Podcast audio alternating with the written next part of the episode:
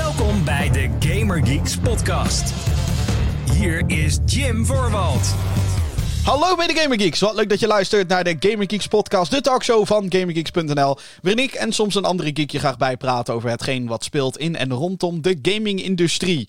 Datum van opname is 1 februari 2023. Dit is de 205e aflevering van de Gaming Geeks podcast. Wat ben ik blij dat jij er weer bij bent. En wat ben ik blij dat ik hier weer kan zitten zonder dat er meteen een kriebel in mijn keel komt. Uh, het heeft heel lang geduurd voordat er weer een nieuwe aflevering uit is gekomen. Mijn excuses, mijn oprechte excuses. Het was echt niet mijn bedoeling om zo lang te wachten. Maar uh, mijn keel is echt... Um, ja, die, die heeft mij nogal genakt de afgelopen paar weken.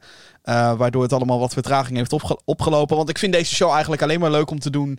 als ik echt onafgebroken los kan gaan over videogames. Want dat is waar deze podcast over gaat. Of het nou de negatieve aspecten zijn van uh, deze mooie industrie. Of uh, wanneer er juist iets gebeurt waarvan ik denk... hé, hey, dit is te gek, dit moet je in de gaten houden... of dit moet je spelen. Of ja. En beide elementen gaan ook zeker in deze aflevering zitten. Want als je er een tijdje uit bent geweest... dan is het alleen maar zo dat er meer kan gebeuren in deze industrie. En dat is uh, zeker ook wel het geval geweest. En ik ga je bijpraten over het belangrijkste. Waaronder... Um, ja, heel veel korte nieuwtjes. Um, zal ik het daar eerst even over hebben? Een paar, paar korte dingen. Uh, want uh, naast dat deze podcast er is, die je kan beluisteren via je favoriete podcastdienst, zoals Google Podcasts, Apple Podcasts, Spotify natuurlijk. Abonneer uh, op de show als je deze show meteen in je, in je, in je feed wil hebben. Um, er is ook een videoversie, die is te vinden op youtube.com slash gamergeeksnl. en Spotify trouwens ook, kan je ook de videoversie kijken. Hi, hi mensen op Spotify, ik zwaai nu naar je.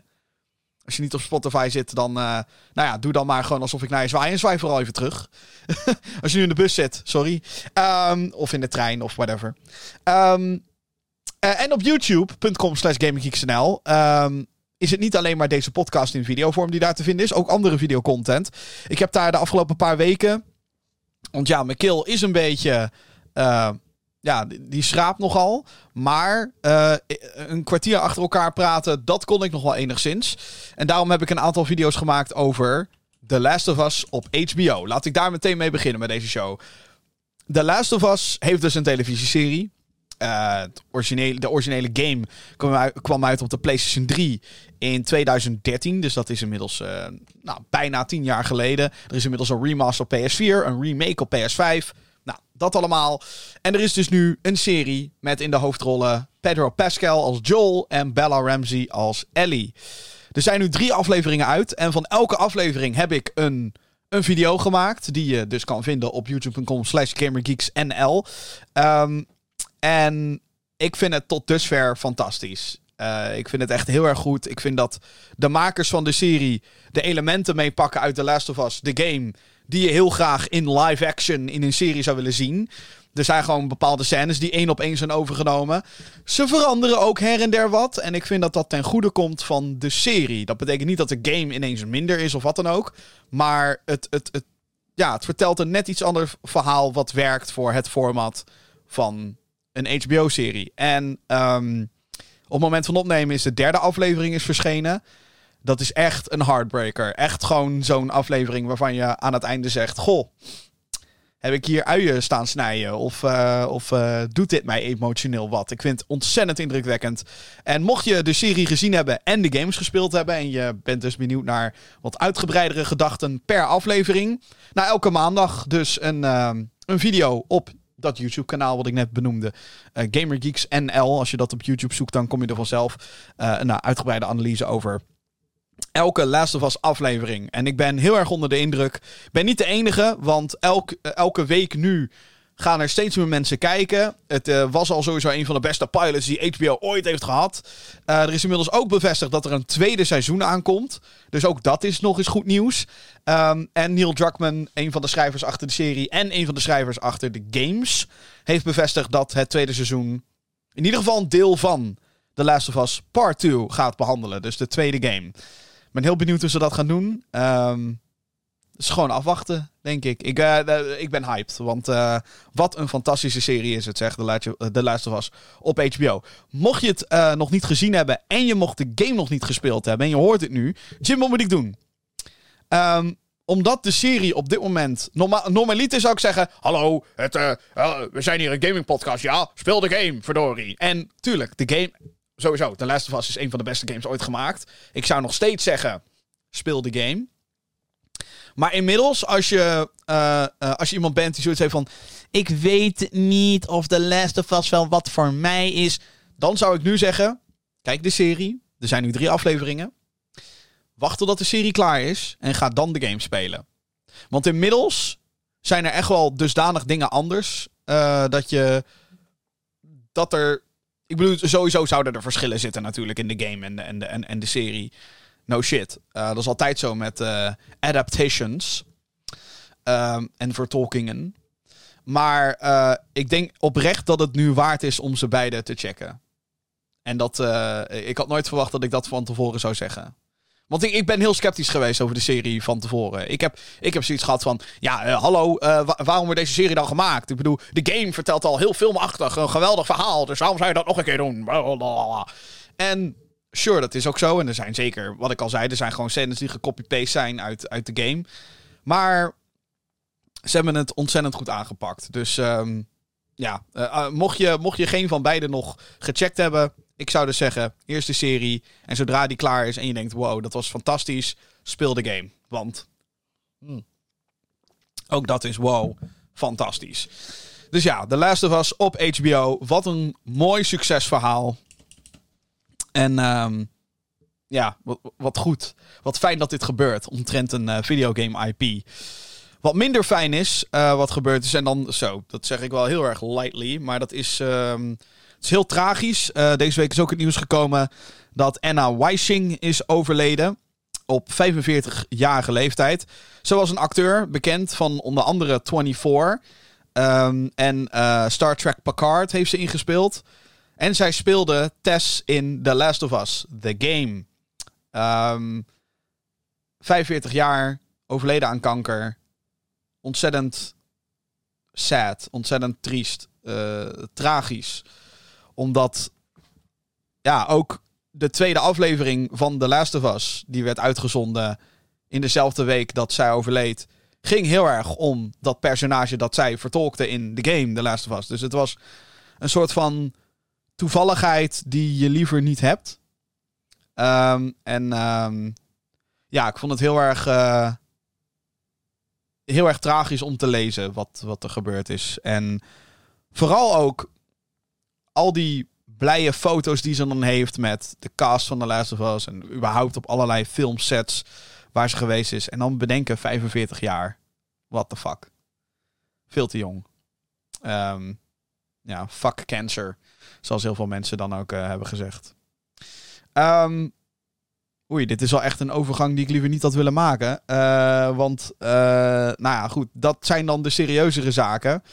Um, er zijn ook minder serieuze. Ik, ga, ik ga eerst even naar een ander onderwerp. Ik had, hier een, ik had hier eigenlijk iets over Stadia willen zeggen. Maar dat is dan nu wel echt een hele lullige overgang. Um, allereerst wat anders. Aankomende week. Ja, dit, dit werkt beter. Aankomende week is er uh, is de release van Hogwarts Legacy. Op het moment van opnemen. Over een week komt dan de. Uh, wat is het? De, dan komt de game al uit voor degene die de Digital Deluxe Edition of zo hebben gepreorderd. En dan op 10 februari barst het los. Hogwarts Legacy komt dan uit. De grote open world Harry Potter game. Waar mensen jaren op hebben gewacht. Ik was er eentje van. Want ook ik heb zoiets van: waarom, waarom hebben, krijgen we geen grote open world game waarin je gewoon op Zwijnstein rondloopt en lessen volgt en kan duelleren en dat je rond kan vliegen op je bezem. Nou, dat, is allemaal, dat kan allemaal in Hogwarts Legacy. Wordt het leuk? Ik hoop het wel. Het is een van de games waar ik me het meest op verheug dit jaar. Um, volgende week komt hij uit. Uh, maar er is wat controverse gaande. En controverse doe ik even tussen aanhalingstekens. Want er zijn mensen die uh, op social media zijn gegaan en hebben gezegd... Yo, ik ondersteun deze game niet, want uh, fuck J.K. Rowling. J.K. Rowling, de schrijfster van de Harry Potter boeken. En daarmee ook uh, de bedenker van het hele universum. En de bedenker van hè, alles wat Harry Potter is. Alhoewel, dat is heel erg overdreven, want Hogwarts Legacy heeft zij niet aangeraakt. Maar er zijn mensen die zeggen: joh, uh, J.K. Rowling heeft op Twitter allerlei uitspraken gedaan. Met name richting de, de, de trans community, waar ik het niet mee eens ben. En daarom support ik deze game niet. En laat ik, dat laat ik dit als eerste zeggen: prima Als jij een game niet wil supporten om wat voor reden dan ook. Oké, ja, eh, dan, dan speel je het niet. Dan koop je het niet. Alleen, ehm, wat ik heb gemerkt is dat er ook heel veel vijandigheid is ehm, gekomen richting mensen die wel zeggen dat ze zin hebben in deze game. Ehm sommigen vanuit, of althans, dat komt dan vanuit. Nogmaals, dit gaat over een heel, heel, heel klein deel van een heel klein deel van een subset van een subset, maar alsnog. Uh, er zijn dus mensen die vinden, wij moeten deze game niet supporten, want J.K. Rowling heeft allerlei uitspraken gedaan. Waar wij het als uh, mensen die achter de, de, de trans community staan, uh, daar kunnen wij het niet mee eens zijn. Dat is fundamenteel onjuist en bla bla bla bla. En daarom kan jij ook lekker de tering krijgen als je deze game wel support. Dat is waar het op neerkomt. Er zijn mensen die lastig gevallen zijn. Omdat ze zeggen: Ik heb zin in Hogwarts Legacy. Ik kan niet wachten om de game te spelen. Um, tegen die mensen zeg ik: Fuck, fuck you. Fuck you. Laat andere mensen in godsnaam nou eens een keer met rust. Omdat het. Nogmaals, als, je, als jij zegt: Ik ga de game niet spelen. Om wat voor fundamentele uh, reden je daar dan ook voor hebt. Prima. Ik denk persoonlijk dat het eigenlijk geen zin heeft. Deze zogeheten boycott. Sowieso heeft het geen zin, want ik zie overal op Steam en zo. En aan allerlei andere hitlijsten staat Hogwarts Legacy qua pre-orders in ieder geval helemaal bovenaan. Dus, whatever. Um, maar J.K. Rowling gaat er letterlijk geen fuck van merken. Ook al zou Hogwarts Legacy nul keer verkocht worden, dan zou J.K. Rowling waarschijnlijk zoiets hebben van Hogwarts wat hè? Hogwarts, ja, dat, dat heb ik verzonnen, toch? Oh, is er een game, ja? Ik denk dat zij ge geen flauw benul heeft. Um, en als je haar dan. He, de grote. Uh, uh, waar mensen het op tegen hebben, is dat je haar indirect support met het kopen van die game. Omdat zij er royalties over krijgt. J.K. Rowling is inmiddels zo ongelooflijk rijk dat dat letterlijk geen reet meer scheelt. Wat ik al zei. Verkoopt Hogwarts Legacy 10 miljoen exemplaren binnen een week. Wauw, dan krijgt J.K. Rowling een paar extra centjes op haar rekening. Voor haar doen, hè? Nogmaals, even allemaal relatief gezien voor haar. Verkoopt Hogwarts Legacy letterlijk nul exemplaren, dan heeft J.K. Rowling zoiets van: wat? Ik merk er niks van. Zij kan nog steeds alles doen wat ze wil. Zij is nog steeds een van de rijkste vrouwen. Dan wel niet. Weet ik eigenlijk niet of zij echt de aller, allerrijkste is. Maar sowieso een van de machtigste vrouwen ter wereld. Om hoeveel, door hoeveel geld ze heeft. Um, elke stream die jij geeft aan, aan, aan Harry Potter op HBO Max levert waarschijnlijk meer op dan het kopen van zo'n game. Um, en dat is. Dus sowieso merkt ze er weinig van. Ten tweede heeft J.K. Rowling bijna niks met de game te maken gehad.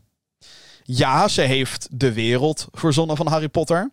Daar is alles op gebaseerd. Maar inmiddels is Harry Potter J.K. Rowling ontgroeit. Net zoals dat Star Wars niet meer een product van George Lucas is. Letterlijk niet, want hij heeft het verkocht. Maar ook al zou dat nog wel zo zijn. Of ook al zou George Lucas nog steeds betrokken zijn. Of zou hij nog steeds hoofd van Lucasfilm, whatever zijn. Star Wars is meer dan alleen George Lucas. Harry Potter is veel meer dan alleen J.K. Rowling. Sterker nog, alles wat J.K. Rowling heeft aangeraakt na uh, de achtste film of het zevende boek is shit. Uh, Harry Potter, hoe heet, hoe heet dat toneelstuk? Harry Potter and the Cursed Child. Ik, ik heb daarvan een outline gelezen. Verschrikkelijk. Fantastic Beasts and Where to Find Them was nog leuk, die, die eerste film. Die tweede en die derde, geschreven door J.K. Rowling, beide fucking verschrikkelijk. Gingen mensen naar die derde film? Nee. Dus ja, uh, ik denk ook dat het goed, ook voor haar financiële sake is, I guess, om er nu gewoon lekker vanaf te blijven. Maar wat ik probeerde te zeggen, is dat Hogwarts Legacy. Zij heeft daar niks mee te maken verder. Behalve dus dat het gebaseerd is op Harry Potter. Er zijn honderden mensen die aan die game gewerkt hebben. Waarvan waarschijnlijk ook een heel groot deel het standpunt delen. Uh, die de mensen die hier zo'n controverse van willen maken. Of hè, die die boycott nu inzetten. Zij delen waarschijnlijk die mening. Uh, en ook mensen die dat niet doen. En dat is allemaal oké. Okay. Um, ik, ik, ik moet heel eerlijk bekennen dat ik heb wel een aantal uitspraken van J.K. Rowling gezien waar wat om te doen was. Ik, ik kan er niet echt over oordelen of ze nou echt fundamenteel eh, fout zit of niet. Want dan zou ik daar echt heel erg in moeten duiken. En wat daar. Want zij tweet ontzettend veel. Ze heeft ontzettend veel dingen getweet. Ook dingen over de meest triviale Zwijnstein shit. Waarvan ik denk, wa- why? En sowieso vind ik het nooit echt verstandig om als auteur ehm, bepaalde bevolkingsgroepen aan te spreken op, op bepaalde dingen. Dat moet je gewoon niet doen. Ehm, zeker niet als het een kwetsbare groep is. Maar, ehm, en nogmaals, als je, eh, eh, of je nou wel of niet eens bent met wat er allemaal gebeurt, is prima. Maar laat degene die iets anders vindt met rust. En het feit dat er nu mensen aangevallen worden, bedreigd worden zelfs omdat zij een game willen spelen, fuck right off. Het is echt gewoon. Als je, als je zo iemand bent. Als jij nu iemand bent. Die zoiets heeft van: nee, niemand mag uh, Hogwarts Legacy spelen. En ik ga mensen bedreigen en lastigvallen. Die, die wel zeggen dat ze de game gaan spelen. Zet alsjeblieft deze fucking podcast nu uit. Zet hem nu uit en kom nooit meer terug. nou, denk ik dat er niet heel weinig zijn die dat hebben gedaan. Ehm, mag ik hopen. Ehm, maar goed, jongens, jeetje. Wat, wat, wat een gedoe allemaal. En het, en, en, en, en het erge hiervan is, is dat we het dus hebben over een hele, hele, hele kleine groep. Die zo ontzettend veel herrie maken. Houd toch eens op. Houd toch eens een keer op, joh. Verschrikkelijk. Mm. En weet je wat het ook is? En nu ga ik het heel breed trekken hoor, dus sorry daarvoor. Kan je uh, een moreel leven leiden met hetgeen wat wij kopen? Nee, dat kan dus niet. De, de, de, de, de apparatuur waar deze podcast nu op opgenomen wordt, is ongetwijfeld ergens in elkaar gezet, wat niet helemaal zuiver is. Die zakcomputer die wij met z'n allen hebben, hè, de mobiele telefoons, zijn in elkaar gezet in een land waarbij gewoon slavernij nog steeds een ding is. Zijn we het ook fundamenteel, denk ik, niet mee eens? Althans, ik niet. Ik ben het niet eens met iets wat slavernij of met kindjes die in fabrieken moeten werken en dat soort shit. Maar het gebeurt wel. Um, moet ik dan ineens niks meer kopen? Ik bedoel, dat zou zeg maar een cool statement zijn. maar ja, het, is, het is niet anders. En ik zeg niet dat. En dat zeg ik niet in de zin van. Oh, we kunnen er toch niks aan doen. Want zo zit het niet. Maar. Ik vind het heel vreemd om. Uh, nu ineens een statement te gaan maken. Voor Hogwarts Legacy. Omdat iemand uitspraken doet. Terwijl er ook heel veel andere aanschafmogelijkheden zijn. Of aanschaffen die ook geen zuivere koffie zijn. En dan denk ik in heftigere vorm. En ik vind dat we daar met z'n allen dan wat aan moeten doen. In plaats van gamers aanvallen die fucking een game willen spelen. Omdat ze daar toevallig heel veel zin in hebben.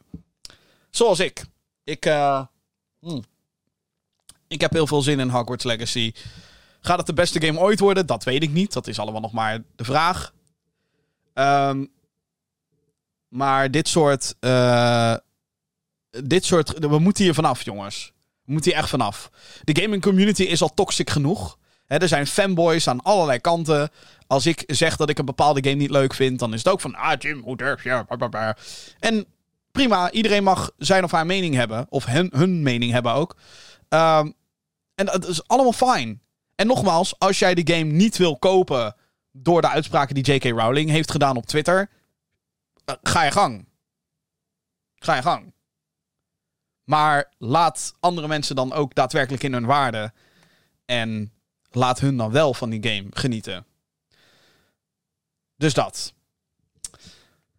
Volgende onderwerp. Stadia is niet meer.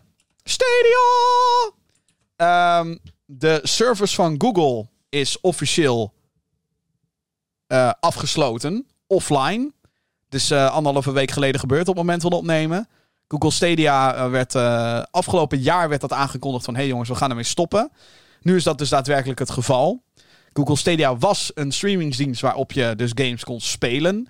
Dat werkte dan net zoals dat uh, PlayStation Now uh, werkte. Nu PlayStation Plus Extra. Um, net zoals GeForce Now werkt. Dus ergens anders in een datacenter, daar zit een computer of een console... of hoe je het dan ook wil noemen... Die speelt de game af die je wil spelen. En jij geeft door middel van een controller, geef jij zeg maar commando's aan die server. Die stuurt het dan weer terug. En zo heb je cloud gaming. Google heeft uh, denk ik bijna alles verkeerd gedaan wat je verkeerd kon doen met Stadia.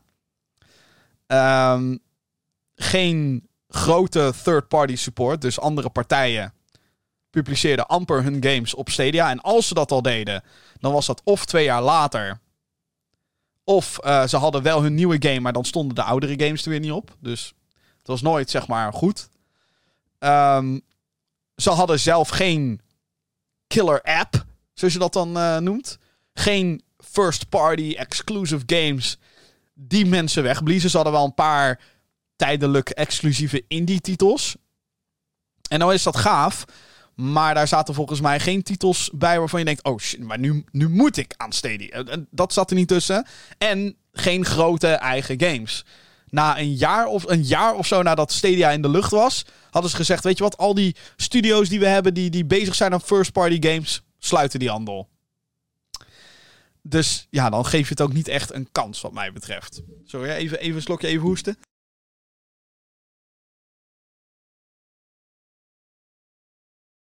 Ja, sorry, ben ik weer. Oh, toch die kill, hè? Mm, en we hebben het over Stadia, is altijd lastig. Maar um, Stadia, echt um, een drama was het. Van allerlei kanten. Allerlei functies die ze ook beloofd hadden. Nooit uitgekomen. Um, het, duurde een vak, het duurde anderhalf jaar voordat er een zoekfunctie in de Stadia-app kwam. Dus een app van Google. Google, bekend van de zoekmachines. Had meer dan een jaar geen zoekfunctie in de Stadia-app. Denk daar maar eens over na. Zo'n fucking groot drama was het. En toch, ondanks alle rages die ik nu heb, die ik vroeger had over Stadia. Vroeger, klinkt dat. Klinkt heel erg lang geleden. Het is maar drie jaar in de lucht geweest of zo. Um, ondanks dat vind ik het toch jammer dat Stadia er niet meer is. Want hoe interessant is het als er een nieuwe partij opstaat? Die. Die even net wat anders zou kunnen brengen ten opzichte van Nintendo, Microsoft en PlayStation. Het is altijd lastig geweest om de vierde te zijn. Altijd valt de vierde. Sega. Tijdens de Dreamcast versus PS2 versus GameCube versus whatever era. Een vierde, de vierde partij zijn is lastig. Um, en voorspelt meestal niet veel goeds. Maar ik, ik heb altijd gedacht, als er één partij is die dat kan, uh, dan is dat wel een Google. Niet per se alleen Google, maar wel een bedrijf met ontzettend veel geld en middelen om iets aparts neer te zetten. En het feit dat Google daar nooit echt gebruik van heeft gemaakt, het feit dat ze het al zo snel hadden opgegeven, ik weet niet wat daar intern fout is gegaan, maar het is heel veel. Ik denk dat mensen compleet totaal verkeerde verwachtingen hadden bij hoeveel mensen er in eerste instantie naar Stadia toe zouden komen.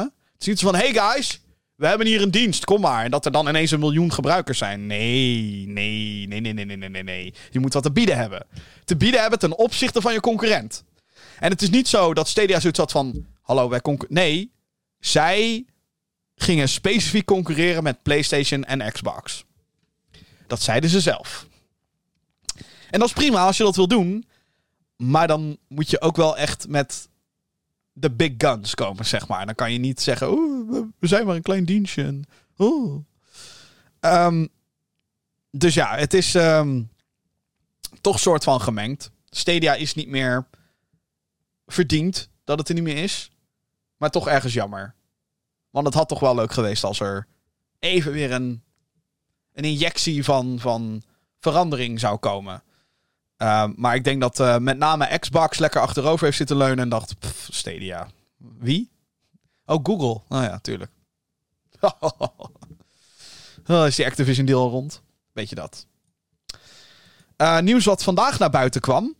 Ehm, voordat ik naar de playlist ga is um, opvallend nieuws over EA Mobile Games.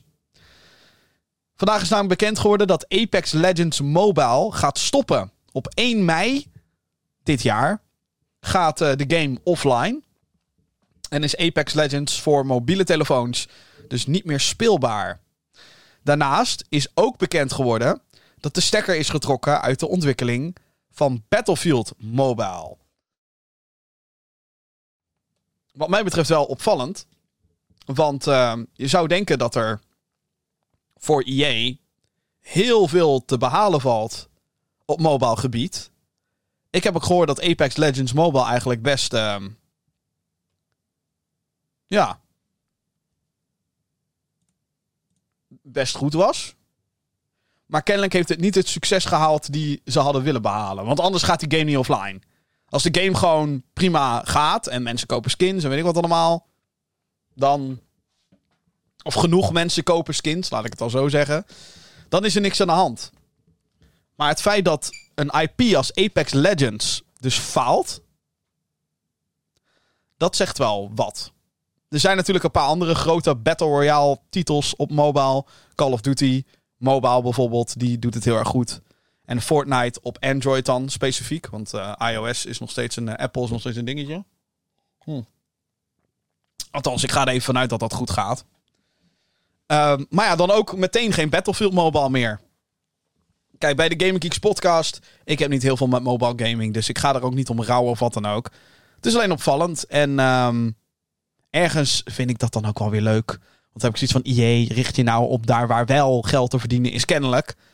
Of uh, daar waar wel. Uh, waar mensen wel op zitten te wachten. Althans, mensen die naar deze podcast luisteren. En dat zijn console- en PC-games. Yeah. maar eh, wat, wat ik er opvallend aan vind, is dat je zou denken dat, hè, ook al ben ik niet van mobile, ik weet dat er heel veel geld in te verdienen valt. Maar kennelijk niet voor alle partijen, wat uh, een, uh, een wending is. Goed, tot zover.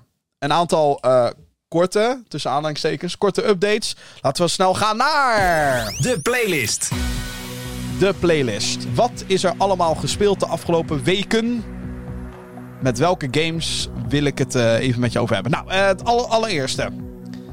Ik ben nog steeds uh, druk in de weer met Overwatch 2. Hou van die game. Heerlijke multiplayer titel. Op PC speel ik dat. Met name als er een, een aantal vrienden online zijn die zeggen... Kom, we gaan weer voor onze weekly quest. En we gaan naar Battle Pass. Gaan we verder uplevelen. Oké. Let's go. Dus dat speel ik nog steeds. Ik heb God of War Ragnarok uitgespeeld. Um, uitgespeeld als in... Het verhaal is klaar. Ik heb nog niet de Platinum Trophy. Ik wil daar wel voor gaan, want volgens mij moet je dan gewoon alle zij-shit doen. Dus het is nu uh, lijstjes afwerken en allerlei zijbosses verslaan en, en de grond in hakken of, of, of, of meer pijn doen en dat soort dingen. Dus uh, dat is nu een soort van checklist waar ik uh, zo nu en dan even een uurtje aan spendeer. Maar ja, de game uitgespeeld. Ik vond Ragnarok heel goed. God of War. Um, maar. Ik moet er wel meteen bij zeggen dat ik het einde een beetje tegen vond vallen. Het, het voelde een beetje gerushed. Het voelde een beetje zo van: oké, dat was het. Dag. ik ga niet zeggen hoe of wat er gebeurt natuurlijk, want spoilers. Maar. Hmm. Ik vond dat wel jammer. Zeker omdat God of War 2018, waar dit de opvolger van is had wel echt een heel erg tof einde met... Oh shit, wat, nu? Ja, en nu is het zo van... Oké, wat nu? een hele andere type wat nu vraagteken. Dus, dat. Maar de game waar ik het even met je over wil hebben... en um, wat best wel een verrassing is dat ik daar weer mee aan de slag ben gegaan... dat is... The Legend of Zelda Breath of the Wild. Hoe vind je deze?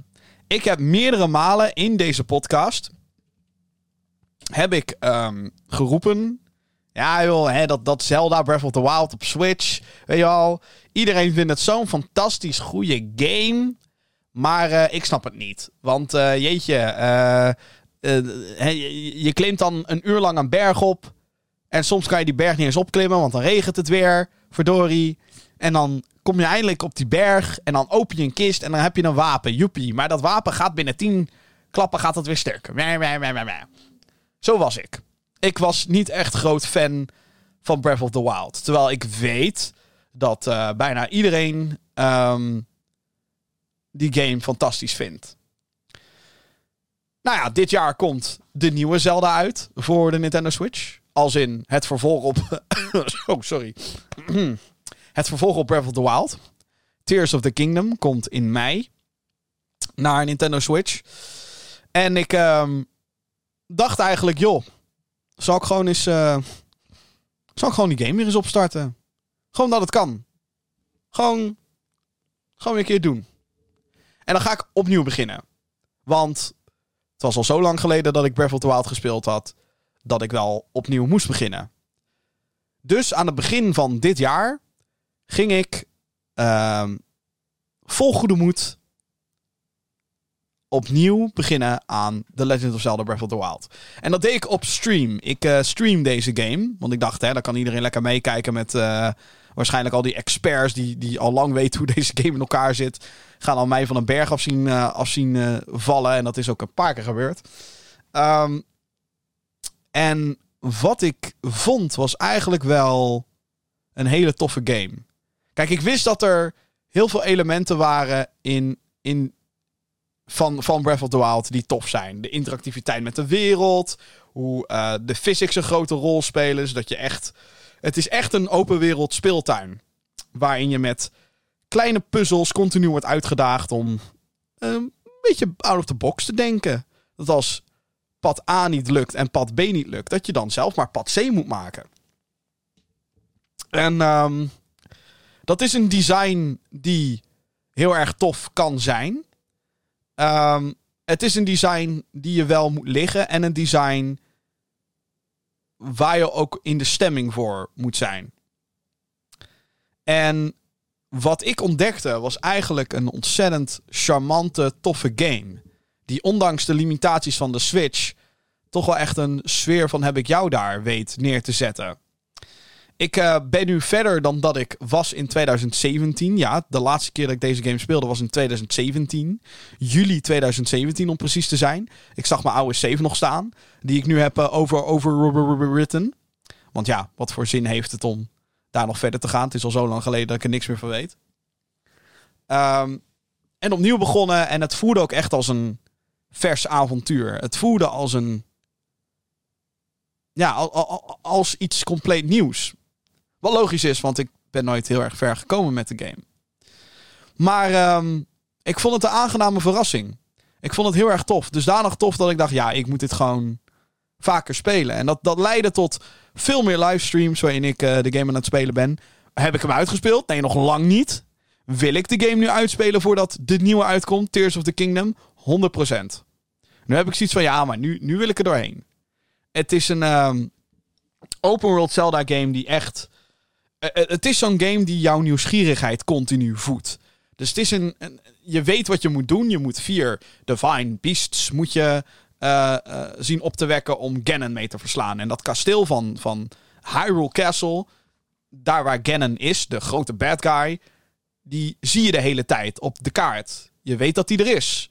Je weet ook waar die vier Divine Beasts zitten. De beesten die je klaarblijkelijk nodig gaat hebben om om Ganon te verslaan. Oké, cool. Maar terwijl je ergens naartoe gaat, word je continu getriggerd door... Oh, hier, ik zie hier twee rotsen liggen. Heel of hè, drie rotsen liggen netjes op een rij. En de vierde rots ligt daar iets verder weg. Wat als ik die vierde rots daar neerleg? Oh, dat was een puzzeltje voor een, voor een Korok Seed. Waar je dan weer iets mee kan upgraden. Of je inventory stash mee kan... Uh, beter kan maken. Oké. Oh, ik kom iemand tegen. Hallo, wat heb jij voor verhaal? Ja, ik heb het gehoord over een, over een schatkaart. Oh, oké. Een schatkaart? Ja, dan moet je naar dat dorpje toe. Oh shit. Dat dorpje, waar ligt dat? Ja, ergens in het noorden. Oké, dan ga ik wel ergens naar het noorden. En dan zie je weer een toren. En dan zie je een shrine. En als je die shrine doet, dan kan je daar een puzzel doen. En met die puzzel, als je genoeg puzzels, als je genoeg, genoeg shrines doet, dan kan je weer je health of je, of je stamina upgraden. Zodat je beter kan, uh, of althans het langer kan uithouden in gevechten. En, ook niet te vergeten, uh, stamina, zodat je beter kan klimmen. Nou, dat is die game uh, en dat doet het continu. En dan de hele tijd met slimme kleine trucjes om jou te triggeren en, en, en te zeggen: Oeh, kan je dit uitvogelen? En vaak zijn er ook meer dan één. Vaak is er ook meer dan één manier om iets uit te vogelen. En dat vind ik heel erg tof. De charme is er, de graphics zijn prachtig. Ook al is het een Switch game uit 2017. Of eigenlijk een Wii U game als je het echt heel technisch wil brengen. Mm. En ik was. Um, ik ben erg onder de indruk. En nu ik het over heb, heb ik ook zoiets van: oh ja, shit. Ik moet doorspelen. Ik moet echt doorspelen. Want wat een fijne game is het. Dus um, ik, het, komt niet heel vaak voor dat ik games uh, een tweede kans geef. Nadat ik zoiets heb van, nou, het zal wel. genoeg gezien. Ehm, maar ik vind het eigenlijk des te leuker om dat te doen. Helemaal als het zo positief uitpakt als met The Legend of Zelda Breath of the Wild. Dus, uh, mocht je mij willen zien falen, uh, willen zien vallen, dingen veel te lang doen om dingen uit te vogelen. Hou dus de YouTube en de Twitch pagina's van Gamer Geeks in de gaten, want ik ga weer streamen. Weer. The Legend of Zelda Breath of the Wild. Ik ben er heel erg van aan het genieten. Net zoals een andere game, een nieuwe game, die is uitgekomen. Eentje die ik ook op stream aan het spelen ben, by the way. Um, eentje die gek genoeg niet in mijn lijst van most anticipated games van dit jaar zat. Uh, volgens mij had ik hem wel als honorable mention. Oh wel, ik weet het eigenlijk niet. Wacht, laat me dit even... Wacht, wacht, wacht. Dit moet ik even uitvogelen. Uh, had ik deze in mijn lijstje? Nee, ik had deze niet in mijn lijstje. Oeh, durf ik? Achteraf denk ik, oh jeetje, hoe durf ik? Nee, um, een game die ik dus in eerste instantie niet zag als, nou, dit, uh, hè, dit moet je echt spelen dit jaar. Maar, oh, hoe fout kan ik het hebben? De Dead Space Remake. De Dead Space Remake is uh, nu uit. Het is een uh, science fiction horror game, actie horror game. Van origine verschenen in 2008, toen de tijd voor PS3, Xbox 360 en PC. Voel je je oud? Ja, ik wel. Want uh, ik was erbij, mensen, toen die game uitkwam. Nu, 15 jaar later, is er een remake uitgekomen voor PC, PlayStation 5 en Xbox Series S/X. En het is een, um, een remake in de vorm van uh, de Crash Bandicoot remakes en de Spyro remakes en de um, is er nog eentje die uh, zo werkt? Hmm. SpongeBob SquarePants Battle for Bikini Bottom. Rehydrated. Het is... oh, sorry. Ja, sorry. Het is een remake. Uh, die eigenlijk voor een merendeel de game intact houdt zoals hij ooit was. The Last was Part 1, I guess. Um, die heb je ook nog. Het is een remake die eigenlijk een grafische remake is van de game. Um, met her en der nog wel wat andere tweaks. Uh, Isaac, het hoofdpersonage, praat bijvoorbeeld um, daadwerkelijk in deze game. Dat deed hij in het origineel niet. Maar hier uh, praat hij wel tegen de andere personages. Maar verder hebben ze levels. Zijn level layouts hetzelfde. Uh, missies zijn hetzelfde. Het algemene verhaal is hetzelfde. Maar dan met een dikke gra De gameplay is voor een merendeel hetzelfde. Maar dan met een dikke grafische update. Je speelt als uh, Isaac.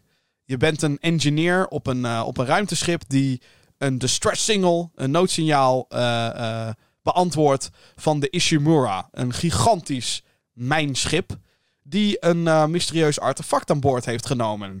En dat was kennelijk geen goed idee, want door dat artefact, een marker, uh, worden allerlei mensen uh, getransformeerd in necromorphs. Dat zijn gemuteerde zombie-achtige beesten. Waarvan ledematen en vlees gemuteerd wordt. En de grote zwakte van die beesten is dat je hun ledematen eraf moet schieten. Dus niet het hoofd, maar de limbs, de, de, de, de armen, de benen. Of als je ze nog zo kan noemen, want zo fucked up zijn ze. Uh, het is een game die in 2008 al heel tof was. Ik zat dus op mijn Steam te kijken en zag dat ik de, de, de, de oude game voor het laatst had gespeeld in 2013. Jeetje. Voel je oud? Ik voel me heel erg oud. Uh, en nu, bijna tien jaar later, is dan deze remake er. En wat een goede game is het. Wat een ontzettend fijne, goede, mooie game is dit. Het is een. Um, ik bedoel, het origineel kan je trouwens ook nog steeds spelen. Het origineel is nog um, uh, beschikbaar. Kan je nog steeds kopen. Zowel op Steam als op uh, Xbox uh, One Series SX. Op PlayStation 4 kan dat dan weer niet. PS5 heb je dus alleen deze remake. Maar um, het origineel is nog steeds te gek. Nou, combineer dat met graphics die het nog creepier maken in 2023. En dan krijg je een, een, een, een actie-horror game die. Um, ik zeg niet moeilijk te evenaren valt, want in maart komt de Resident Evil 4 remake. Oh mijn god, zin in. Want qua gameplay doet Dead Space heel erg denken aan Resident Evil 4. Maar dan iets wat moderner. Ehm, en, en ja, ietsjes minder. Uh, ietsjes meer gestreamlined. Zou ik bijna willen zeggen. Maar wat een fantastische game. Het is echt geweldig. Het is een game die je uh, continu om hoekjes laat kijken. Je moet heel goed naar de omgeving kijken. Al is het alleen maar om hoe prachtig het vormgegeven is. Je zou denken dat een game die, uh, die alleen maar plaatsvindt op een, op een ruimteschip. dat dat saai wordt. No way. No way. Het is een. Eh, ook dit ben ik aan het streamen trouwens. Um, ik zit echt elke keer. Als ik dit zit te spelen, zit ik gewoon met mijn mond open. Onderkaak op de grond. Ik denk, wauw, wat is dit mooi gemaakt. En wat is dit vet. En wat is dit eng. Maar goed, ja, de, de gameplay zelf is zeg maar wel actie.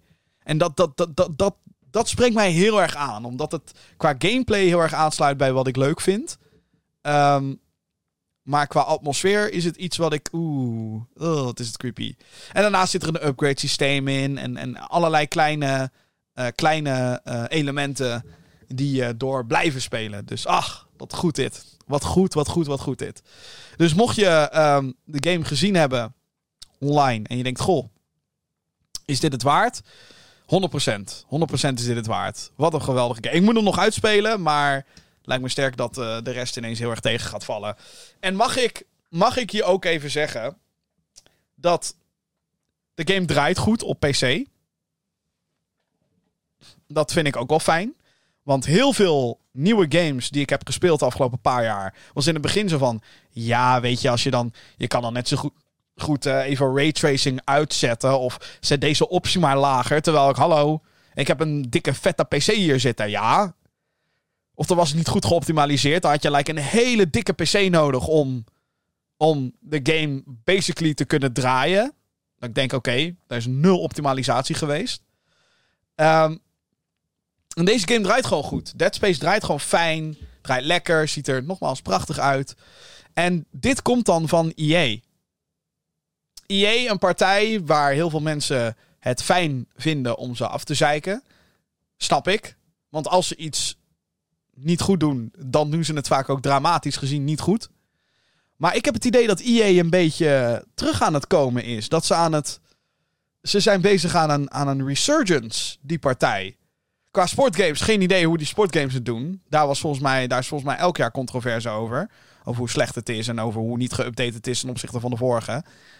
Maar ja, het is, EA is nou toch ook wel de uitgever achter um, Dead Space Remake. Achter It Takes Two. Achter Star Wars Jedi Fallen Order en Star Wars Jedi Survivor. Meer nieuws daarover zometeen. Oh jee, ik moet weer mijn keel. Ah, sorry hoor. Jeetje. maar um, dat is ook EA. En ja, ze hebben Battlefield verneukt. En hard ook. En ik zou bijna willen zeggen dat ze daarvan geleerd hebben. En waarom? Um, vertel ik je ook zo meteen, want dat heeft te maken met die nieuwe Star Wars game. Dus uh, chapeau EA. Chapeau EA Montreal. Of nee, sorry, EA Motive. Moet ik wel de goede naam van de studio zeggen. Die hebben deze remake namelijk gemaakt.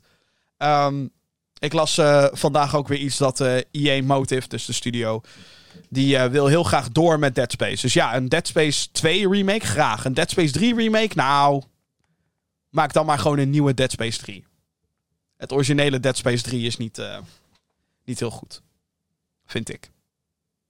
Goed, um, wat dat betreft dus aanraders. En ook een, uh, een, een game die ik dus aan het streamen ben op Twitch en YouTube. Uh, op het moment van opnemen ben ik over de helft van de game. Dus dat zullen niet heel veel livestreams met Dead Space meer zijn. Maar uh, ja, ontzettend de moeite waard. En daarna kan ik weer doorgaan met Zelda op, op, op livestream. Dus dat is ook alleen maar leuk. Zometeen in de Gamer Geeks podcast. Oh, wat is er nog veel te bespreken. Jeetje. Zometeen, uh, onder andere een Xbox Developer Direct met een verrassingsgame. Dat is wel leuk nieuws. PlayStation die komt met uh, interessante aankondigingen vanaf CES. En hoeveel Silent Hill games komen er nog aan? Nou, als het aan Konami ligt, heel erg veel. Nieuws. Maar eerst Het nieuws van de afgelopen week. En er is veel om te doen geweest. Allereerst over Ubisoft. De Franse uitgever Ubisoft heeft zijn plannen wat betreft het fiscale jaar 2024 namelijk prijsgegeven. Het fiscale jaar is een financieel ding en loopt van maart 2023 tot maart 2024. Het nieuwe rapport heeft geen goed nieuws voor Ubisoft. Zo blijkt dat Just Dance 2023 en Mario plus Rabbit Sparks of Hope beide niet zo goed verkocht hebben als dat de uitgever had gehoopt. Ondanks positieve reacties van de spelers, al dus de uitgever. Daarnaast heeft het bedrijf drie projecten geannuleerd. Wat de projecten zijn, dat weten we niet, omdat deze games nooit zijn aangekondigd. Vorig jaar wist Ubisoft ook al meerdere projecten te annuleren, waaronder een free-to-play Ghost Recon shooter met de naam Frontlies en een Splinter Cell VR project. project. Uh, een van de gecancelde projecten is trouwens Project Q, die al wel soort van was aangekondigd, maar net niet. Het was nog een werktitel. Oké. Daarnaast is ook de game Skull and Bones wederom uitgesteld. Oh jeetje. Ongelooflijk. De Piratenschip game begon zijn ontwikkeling in 2013 als uitbreiding voor Assassin's Creed 4 Black Flag, maar mondde al snel uit tot zijn eigen titel. In 2017 werd de game officieel uit de doeken gedaan.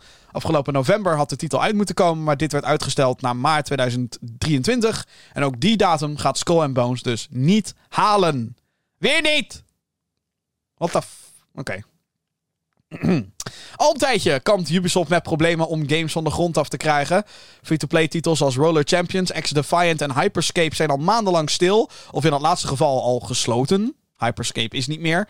Wel komt de uitgever dit jaar nog met Avatar Frontiers of Pandora, wat een, een, succes kan worden aangezien de hype rondom de tweede James Cameron film. Daarnaast komen ze ook nog met Assassin's Creed Mirage en een nieuwe titel in The Crew Racing franchise.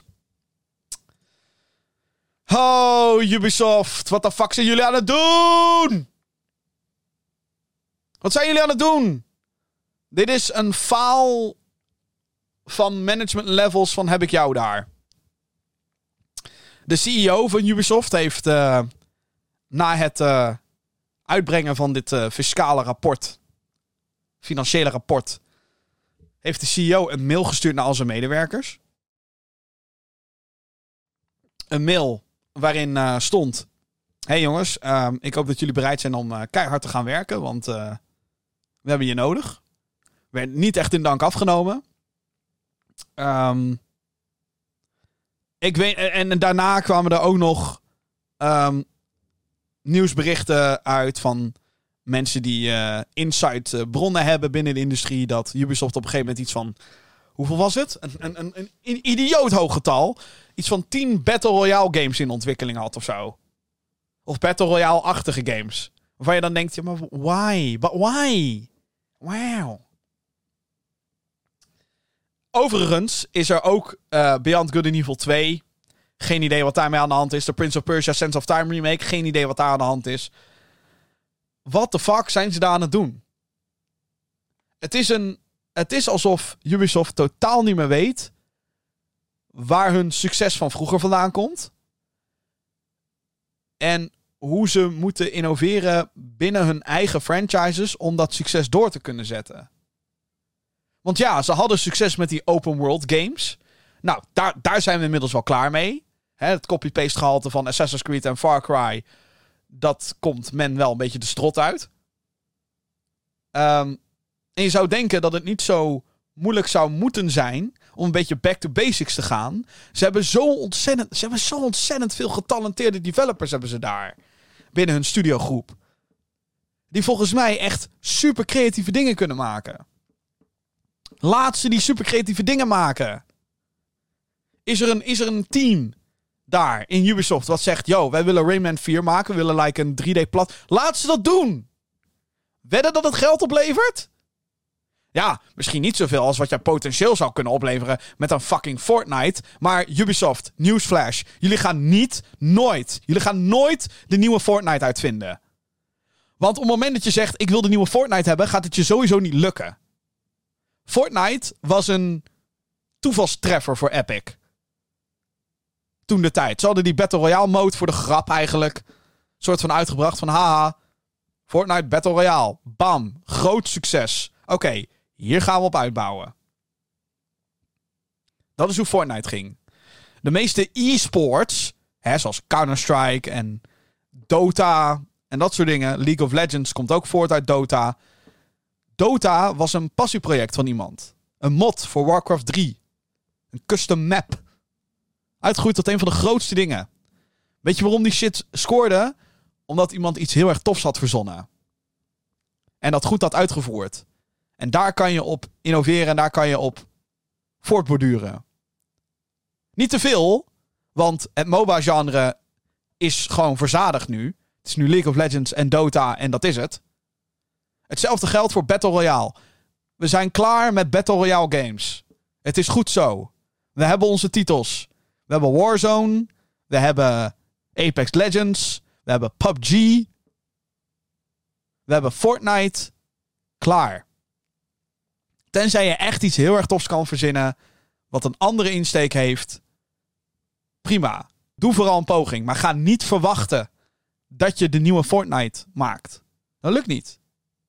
Of de nieuwe Warzone. Of de nieuwe. Hou op.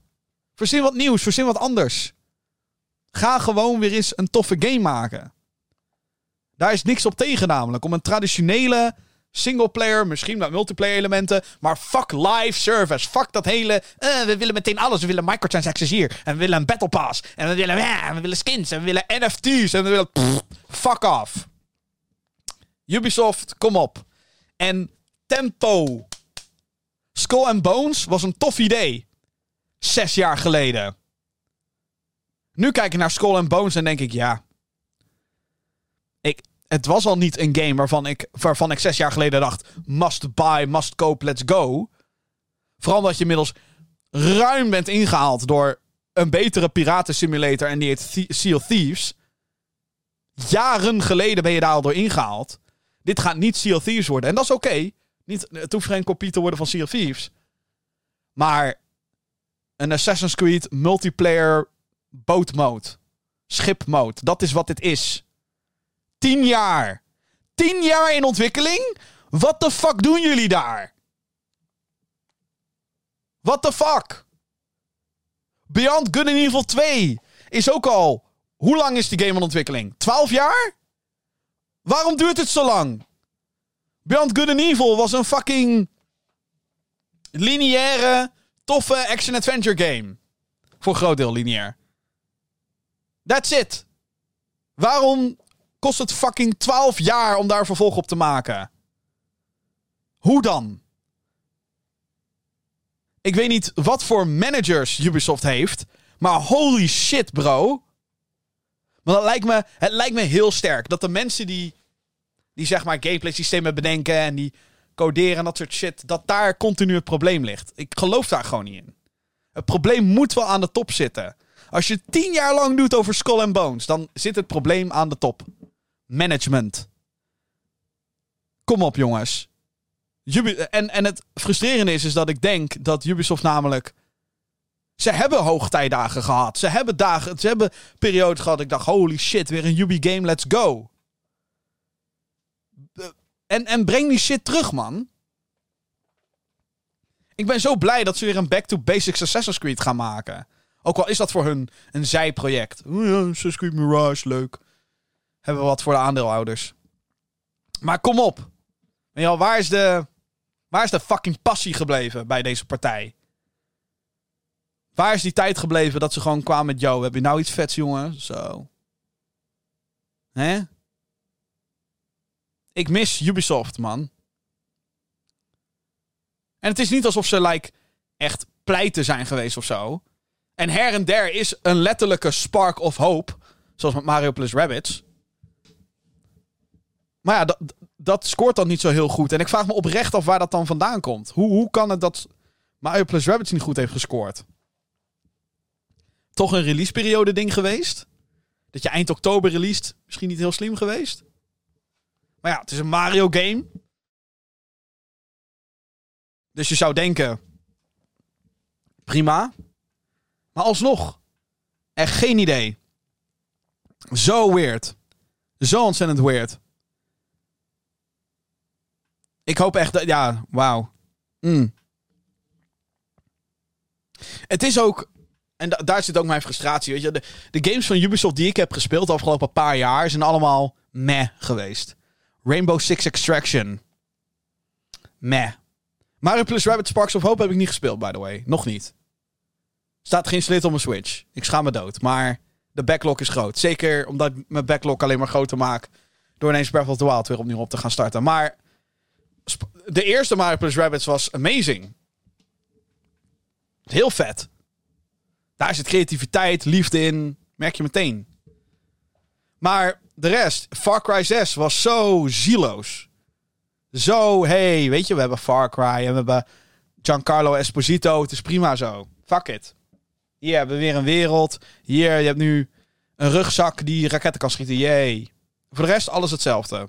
Gaan we innoveren? Nee. Nee. Geen zin in. Is de game beter dan 5? Nee joh. Waarom, waarom zou dat moeten? Nee, ben gek. Kom op jongens. Ubisoft heeft zoveel toffe dingen in huis. En zoveel potentie. En er zijn ook games waar ik op hoor. Die, die eh, Avatar game kan zo vet zijn. Oh. Oh. Als dat er, er is nog geen, niet echt gameplay van verschenen. Maar als dat komt en het ziet er vet uit. Ja, sign me the fuck up. Ik ben er klaar voor. Let's go. Als die Prince of Persia remake uiteindelijk ook vet blijkt te zijn. Let's go. Ik hou van Prince of Persia. Assassin's Creed Mirage. Heel eerlijk, ik heb er zin in, man. Maar dat management daar moet zoveel... Wie haalt het in zijn hoofd om tien, battle, tien verschillende Battle Royale games... bij één partij in ontwikkeling tegelijkertijd? Wat the fuck, man? Fuck? Dat is letterlijk shit naar de muur gooien en hopen dat er iets blijft plakken. Daarmee, daarmee ontwikkel je een reputatie bij, bij spelers. Dat je denkt, oh, een Ubisoft, whatever. Zodra de stempel Ubisoft er dan op komt, is het geen goed ding meer, maar een slecht ding. En dat, dat, dat, dat is nu een beetje. is nu een beetje waar, waar, waar, waar het naartoe gaat. Het zinkende schip van Ubisoft. En Skull and Bones is het perfecte voorbeeld hiervan. Skull and Bones is een compleet mis mismanaged, slecht project. Die veel te lang in ontwikkeling is geweest. We hebben het over tien jaar, hè? Tien jaar! En wat is het? Het is een Assassin's Creed 4 expansion. Wauw. Nice. Ik weet niet wie de fuck hier zoveel potentie in ziet. Maar het zijn heel weinig mensen. En ik heb zo te doen met die ontwikkelaars. Die hier maar aan blijven ploeteren en werken. En ondertussen zo weinig voor elkaar krijgen. What the fuck. Zonde, man. Zonde. Ubisoft, get your shit together. Het zou zo zonde zijn als ze naar de kloten zouden gaan. Echt zonde. Oh, man, man, man, man, man, man, man, man, man, man, man, man. Door naar ander nieuws dan. Eh, de CES is weer geweest. Yay. Eh, wat is dat? Dit is de Consumer Electronics Show, waarbij techbedrijven nieuwe snufjes laten zien. Dit jaar was er bijvoorbeeld een oven met een ingebouwde camera om te livestreamen. Ja, ja. Een snijplank met een scherm ingebouwd. En een auto die met een druk op de knop van kleur van kan veranderen. Klinkt als eh, science fiction, maar het is echt zo. PlayStation had op deze beurs een presentatie waarin het een en ander werd aangekondigd. Allereerst maakte uh, PlayStation CEO Jim Ryan bekend dat de PlayStation 5 inmiddels 30 uh, miljoen keer is verkocht. En dat het tekort aan consoles inmiddels voorbij is. Ik uh, zie her en der steeds vaker mensen die zeggen: hey, ik zag een. Uh, ik zie weer PlayStation 5 te koop, dus let's go. Daarnaast is er een accessibility controller in de maak voor PlayStation 5 met als voorlopige naam Project Leonardo. De controller bestaat uit verschillende schijven die als knop kunnen fungeren. Dus dat is heel erg goed voor de mensen met een beperking die bijvoorbeeld wel heel graag games zouden kunnen spelen, maar met, ja, met de DualSense is dat dan heel lastig. Maar met zo'n Project Leonardo controller Um, zou dat dan veel beter zijn? Xbox heeft ook al een, uh, een soortgelijk apparaat. Uh, dan is er nieuws omtrent Gran Turismo. Het zevende deel in de serie, die vorig jaar verscheen voor PlayStation 4 en PlayStation 5, krijgt een gratis update waarmee ondersteuning komt voor de aankomende PSVR 2. De nieuwe virtual reality headset verschijnt 22 februari. En ook, dit was heel weird, Maar ze zijn er wel. De eerste beelden zijn eh, vertoond van de Gran Turismo film. Die later dit jaar in de bioscoop gaat draaien. Het wordt een verhaal over verschillende coureurs waarmee drama en racing gepaard gaat. David Harbour en Orlando Bloom spelen in de film. En David Harbour kan je dan voornamelijk kennen als Hopper in Stranger Things. En Orlando Bloom als heel veel rollen. Waaronder Legolas in The Lord of the Rings trilogy. En Will Turner in Pirates of the Caribbean. Ja, dat was opvallend. Ehm, deze week kwamen er ook uh, wat geruchten over de PlayStation VR 2. Dat de pre-orders niet heel erg goed zouden zijn, waardoor PlayStation de productie zou, uh, naar beneden zou hebben geschaald. Uh, zij ontkennen dit zelf, dat dat zo is. Um, dus um, dat. Heel erg benieuwd. En stiekem toch ook wel benieuwd naar die Gran Turismo film. Ik weet niet of dat wel een goed idee is om te verfilmen. Want Gran Turismo is een simulator. Dus niet per se een game à la niet voor speed waar een verhaal achter zit en zo. Maar uh, een Gran Turismo film. Dus met beelden. Dus het is niet iets wat soort van vroeg in ontwikkeling is. Er is gewoon gedraaid. Het, komt, komt er gewoon aan. What the fuck. Gaan we even naar de andere partij, Xbox. Woo! Um, Xbox heeft namelijk de eerste presentatie van het jaar gehouden. Voor Xbox dan. Dit keer was het de zogeheten Developer Direct, waarbij verschillende ontwikkelaars van Xbox Studios aan het woord kwamen. Allereerst werd onthuld dat Minecraft Legends op 18 april uitkomt. Dit is een actie-strategy game die uiteraard mechanieken en de artstijl van Minecraft meeneemt naar een ander genre. Naast een campaign werd er ook een PvP-mode onthuld, dus player versus player. De game komt naar Xbox One, Xbox Series S/X, PC, Nintendo Switch, PS4 en PS5. En die titel komt ook beschikbaar op Game Pass voor zowel PC als Xbox. Dus mocht je dat uh, willen checken, doe dat. De nieuwe Forza Motorsport kreeg ook aandacht. De Racing Sim gaat meer dan 500 wagens bevatten. En er werd 4K 60 fps beloofd met raytracing. Release datum is er alleen nog niet. Uh, ander groot nieuws kwam er in de vorm van de co-op shooter Redfall. Um, ja, die uh, komt van uh, Dishonored en Devloop Studio Arcane. En heeft een release datum. Vanaf 2 mei is de game te spelen op de Xbox Series S/X en PC. En ook beschikbaar op Game Pass. Um, ik zag hier de beelden van. Ziet er aardig uit. Ik uh, ben heel benieuwd of dit uh, een, een lange termijn um, vermogen heeft, zeg maar. Dat, dat mensen dit echt heel lang blijven spelen. Um, het, is, het is een titel waar Xbox heel erg op inzet. En logisch, want het is Arcane. Grote naam binnen de... in ieder geval de Bethesda Xbox Studios groep. Um, dus uh, benieuwd naar. Ik uh, had alleen wel één aanmerking bij de beelden van Redfall. En dat is dat die gun models zo ontzettend groot zijn, man. Het lijkt wel. Het is een trend waar ik ook niet heel erg fan van ben. Uh, geweren moeten steeds groter in beeld worden gebracht. En dat het echt gewoon 45% van je scherm inneemt. Vind ik overdreven. Maar misschien ben ik daar de enige in. Goed, Redfall dus 2 mei. 2 mei, 2 mei. Een nieuwe Elder Scrolls Online uitbreiding komt er ook aan. In juni verschijnt uh, Necrom Shadow over Morrowind. En voegt een nieuwe klasse toe aan de game, die Arcanist. Verder weet ik helemaal niks van Elder Scrolls Online, dus uh, tot dusver. Maar het schijnt wel nog steeds, nog steeds lekker te gaan. Ja, zo, gaat sowieso lekker, anders worden er niet continu uitbreidingen uh, uitgebracht. de grote verrassing was een nieuwe game voor Xbox. Um, van, uh, uit de stal van Tango Gameworks, de studio achter The Evil Within en Ghostwire Tokyo. Uh, de nieuwe game heet Hi-Fi Rush en is een 3D-platformer die doet denken aan Jet Set Radio qua stijl. De plot twist is dat de game meteen beschikbaar werd voor, voor Xbox Series X S en X en PC. Dus je kan hem nu spelen, wederom ook op Game Pass. Ik zie hier heel veel toffe, leuke, positieve berichten over. Over hoe dit een hele vermakelijke, toffe game is. Met heel veel lekkere stilo. En uh, toffe mechanics. Uh, 30 euro. Mocht je hem niet op Game Pass. Uh, of mocht je geen Game Pass abonnement hebben. Uh, schijnt iets van 6 uur te zijn of zo. En meer dan de moeite waard. Ik heb deze nu geïnstalleerd staan. Um, er is, is eentje die ik sowieso wil gaan spelen. Want het ziet er echt heel dope uit. En ook dit is wat de industrie nodig heeft. Ubisoft. Kijk even hiernaar, man. Dit is wat we nodig hebben. Niet alles hoeft een grandioos live service project te zijn. Nee, Hi-Fi Rush. Een toffe actieplatformer. Kan ook. Ziet er cool uit. Dus let's go. Ik zit nu de beelden te kijken. Ik heb echt zin om dit te spelen. Holy shit. Het ziet er echt heel vet uit. Uh, Hi-Fi Rush, nu dus beschikbaar. Uh, en tot zover de Xbox Developer Direct. Uh, daarna kwam er ook nog wel wat nieuws. Namelijk dat er heel veel ontslagen zijn gevallen bij Microsoft. Een aantal grote techbedrijven die hebben iets van 10.000 mensen ontslagen. Niet goed.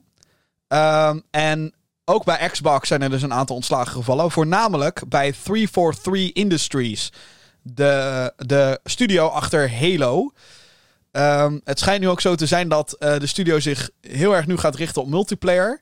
Bijna iedereen die iets deed aan singleplayer content en campaign shit is er nu uitgegooid. Um, en dit is geen goed nieuws. Geen goed nieuws. Um, voor de Halo franchise niet. Ik, uh, Infinite, de nieuwste Halo game, struggelt heel erg. Het is een game die erg, de kern is er wel, maar de rest eromheen niet echt. En het is een game waar volgens mij al heel veel spelers weg zijn gegaan. Ik ben er eentje van. Ik had na één seizoen zoiets van, yo, de kern, de core gameplay is te gek. Alles eromheen is shit. Te weinig maps, te weinig modes, te weinig content. Uh, geen Forge, waarbij mensen zelf modes en maps kunnen maken. Zit er inmiddels in. Maar goed, dat is alweer. We zijn nu weer meer dan een jaar verder.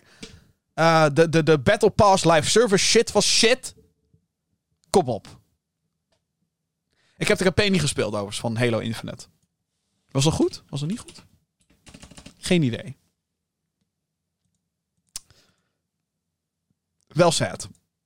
Want Halo was ooit het hoogtepunt van, uh, van Xbox. Of althans, het middelpunt van Xbox. Niet per se het hoogtepunt. Maar goed, als je dan andere toffe titels hebt die, die er al over kunnen nemen. Is dat dan erg? Nee, niet per se. Gaan we naar wat uh, controversiëler nieuws. Uh, de game The Day Before is namelijk van Steam gehaald. Mocht je hier nog nooit van gehoord hebben. Dit is een uh, third-person survival MMO die het beste te omschrijven valt als een mengeling van DayZ en The Division. De Ubisoft game The Division. Waarvan ik de tweede overigens heel vet vind. Er komt een free-to-play nieuwe game aan ook trouwens. Ook nog niks van gezien, Ubisoft, schiet dus op. Um, al jarenlang belooft ontwikkelstudio Fantastic, uh, over de day before dan, dat de game uitkomt. Maar release datum lijkt maar niet dichterbij te komen. Vorig jaar werd de game uit het niets uh, een jaar uitgesteld, omdat zij de game van Unreal Engine 4 naar Unreal, Unreal Engine 5 gingen verhuizen. Oké. Okay. Alhoewel de datum al maanden vaststond op begin maart en de game zelfs een showcase kreeg tijdens een Nvidia-presentatie, gebeurde er afgelopen week iets eigenaardigs. De game werd namelijk van PC-distributieplatform Steam verwijderd. Normaliter kan een ontwikkelaar of uitgever ervoor kiezen om een game te delisten, waarbij een titel niet meer in de zoekopdrachten voorkomt, maar met de juiste link kan alsnog de winkelpagina bezocht worden. Een poging om naar de Steam-pagina voor de day before te gaan, resulteert in de homepage van Steam. Dus het is echt helemaal vanaf gehaald, gewoon. Toen hier vragen over kwamen vanuit de community, reageerden de ontwikkelaars met uh, dat het gaat om een bug in de Steam database. Iets wat met gefronste wenkbrauwen werd begroet, omdat deze bug nergens bekend is. Een dag later werd het verhaal veranderd. En claimt de studio nu dat ze geen rechten hebben op de naam The Day Before. En hierdoor zou Steam hebben ingegrepen. Ze stellen nu de game uit naar 10 november om dit recht te zetten. Dit zorgde voor argwaan op de Discord-server van The Day Before, waar de community manager en moderators hebben toegegeven amper wat van de game gezien te hebben. Dit is zo'n merkwaardig verhaal. The Day Before is een game die volgens mij echt al iets van vijf jaar, of iets korter, of misschien wel iets langer. Ik zou het je eigenlijk niet kunnen vertellen. Maar het wordt al best wel lang opgehyped door de studio in kwestie.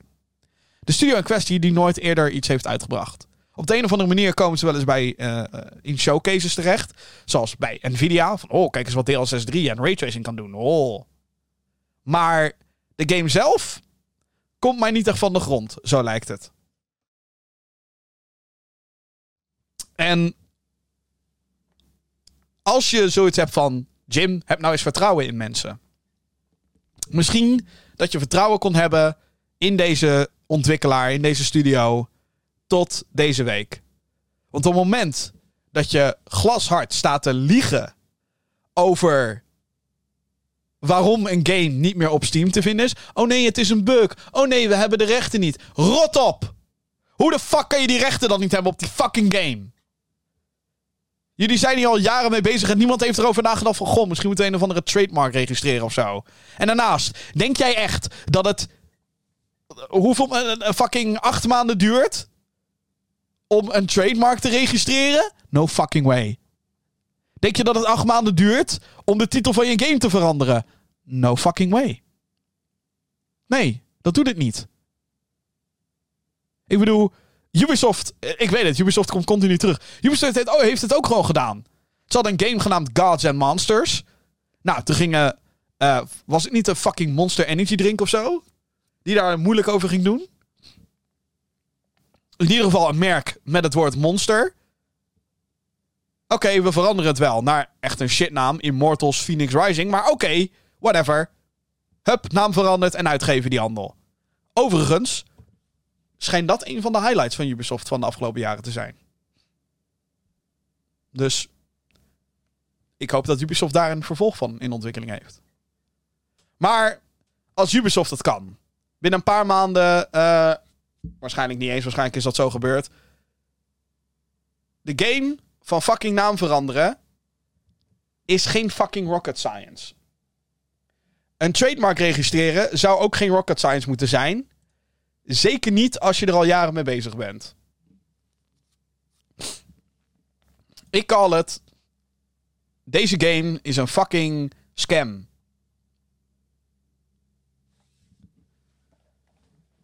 Deze mensen hebben ons voor de gek gehouden met fake ass beelden. Of ze hebben alleen één klein gebiedje hebben ze klaar. En daar maken ze dan trailers omheen en dat is het. Ik geloof er geen zak van. Ik geloof er helemaal niks van. Dat deze game echt een ding is die we kunnen spelen. Dus uh, mocht je dit uh, om wat voor reden dan ook op je Steam wishlist hebben, dan staat het er niet meer op. Want de game is verwijderd. Oké. Uh, bijna. We zijn er bijna doorheen.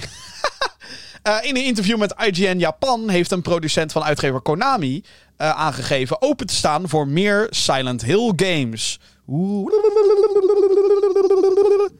Dat was een poging tot de Silent Hill tune, sorry. Ze zijn volgens hen um, een en al oor als het gaat om game pitches.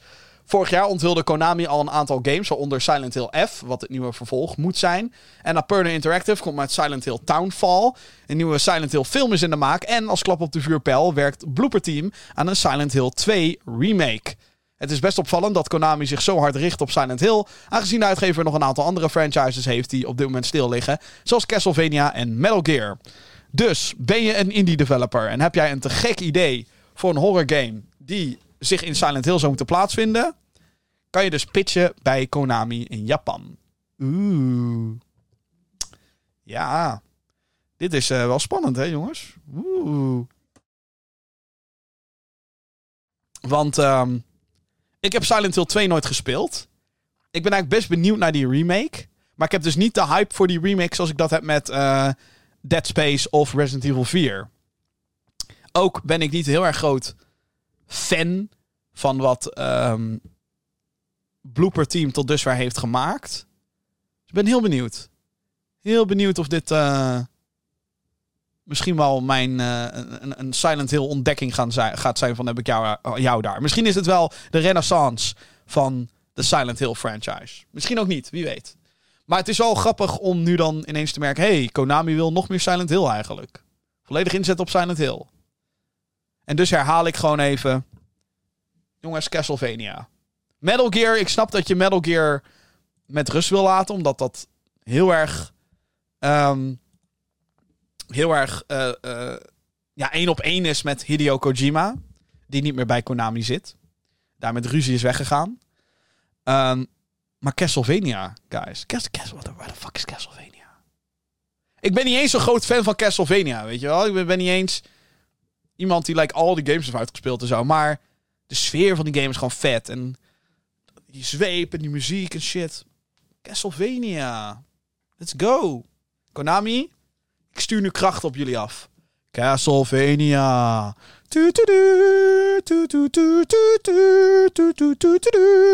Zo, nou, als dat niet een aura-versterking is voor die franchise, dan weet ik het ook niet meer. Oké, laatste nieuwtje van deze week. En dat is eh, geen goed leuk nieuws. eh, voor, Star, voor gamende Star Wars fans.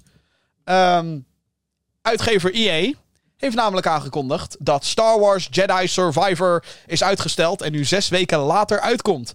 Volgens social media posts heeft het team net wat meer tijd nodig om de kwaliteit te behalen die ze willen. Ontwikkelstudio Respawn Entertainment maakt de game. Ze staan bekend om titels als Titanfall en Battle Royale shooter Apex Legends. Het team wat specifiek het in 2019 verschenen Star Wars Jedi Fallen Order maakte, werkte ook aan Jedi Survivor. In de game speel je als Jedi Knight Cal Kestis die op zoek gaat naar andere mensen die gevoelig zijn voor The Force. Het verhaal speelt zich af tussen de films Episode 3 Revenge of the Sith en Episode 4 A New Hope. De game stond eerst gepland voor eh, 17 maart, maar verscheen nu 28 april voor PC, PlayStation 5 en Xbox Series S/X. Ik wil wederom even ehm, mijn waardering uitspreken voor EA. Want ze hadden kunnen zeggen: nee, nee, nee, nee, nee, nee, nee. Staat nu gepland voor maart. Wij willen alle inkomsten bla bla bla hebben. Release het maar in fucking maart. En dan hadden we waarschijnlijk. Althans, ik ga er nu. Ik ga er gewoon eventjes vanuit. Dat dit een hele vette game wordt. Nou, stel dat ze dan zouden zeggen: nee, joh, release het maar gewoon. Hup, rust je die handel. Krijg je dus een fucked up release. Met potentieel bugs, glitches en noem het maar op. Misschien een shit PC-performance. Je weet het niet. Ehm, met als gevolg. Hè, wat jammer nou. Verkeerde eerste indruk. Is niet goed voor de verkopen. Zo hebben we inmiddels wel meegekregen. Ehm, jammer. Maar nu geven ze die ontwikkelstudio daadwerkelijk zes weken. En geloof mij maar, in zes weken, zeker als het gaat om eh, glitches en polish en dat soort dingen, kan er echt heel veel gedaan worden. Basically, wat ze waarschijnlijk nu gaan doen, is gewoon een paar extra patches erop gooien. Zo moet je het zien. Maar dan voordat de game in de winkels ligt. Dankjewel, EA. Dankjewel. Ik waardeer dit soort shit. En zes weken is ook geen drama. Weet je, het is niet alsof de game met een half jaar wordt uitgesteld. Want als het echt met een half jaar wordt uitgesteld, dan is de game gewoon nog niet af. Ze zeggen ook eigenlijk, yo, de game is af, maar we moeten gewoon net even wat meer doen om, om het goed te krijgen. Om het allemaal strak te krijgen. Prima. Dikke prima. Let's go. 28 april. Ik heb nog steeds heel veel zin in deze game. Dus dankjewel EA dat je dit doet. Dankjewel Respawn. Jullie zijn eigenlijk de soort van redders van EA. Een beetje. Met Apex en met eh, Star Wars Jedi Fallen Order. En nu hopelijk Survivor. Ehm, zin in. Heel veel zin in deze game. Ook al duurt het nu eventjes wat langer. I don't care. Let's go. Maar, dat gezegd te hebben, als ze het nu nog een keer gaan uitstellen, dan is er shit aan de hand. dan is er iets gaande wat niet goed is.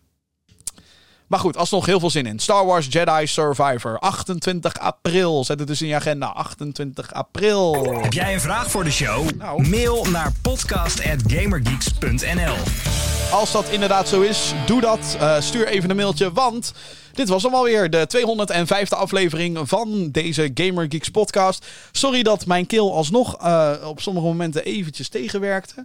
Eh, maar goed, ik ben er toch weer doorheen gekomen. En jij ook als je dit hoort. Dank daarvoor. Abonneren op deze podcast kan natuurlijk via je favoriete podcastdienst. Een videoversie is te bekijken op Spotify en op YouTube.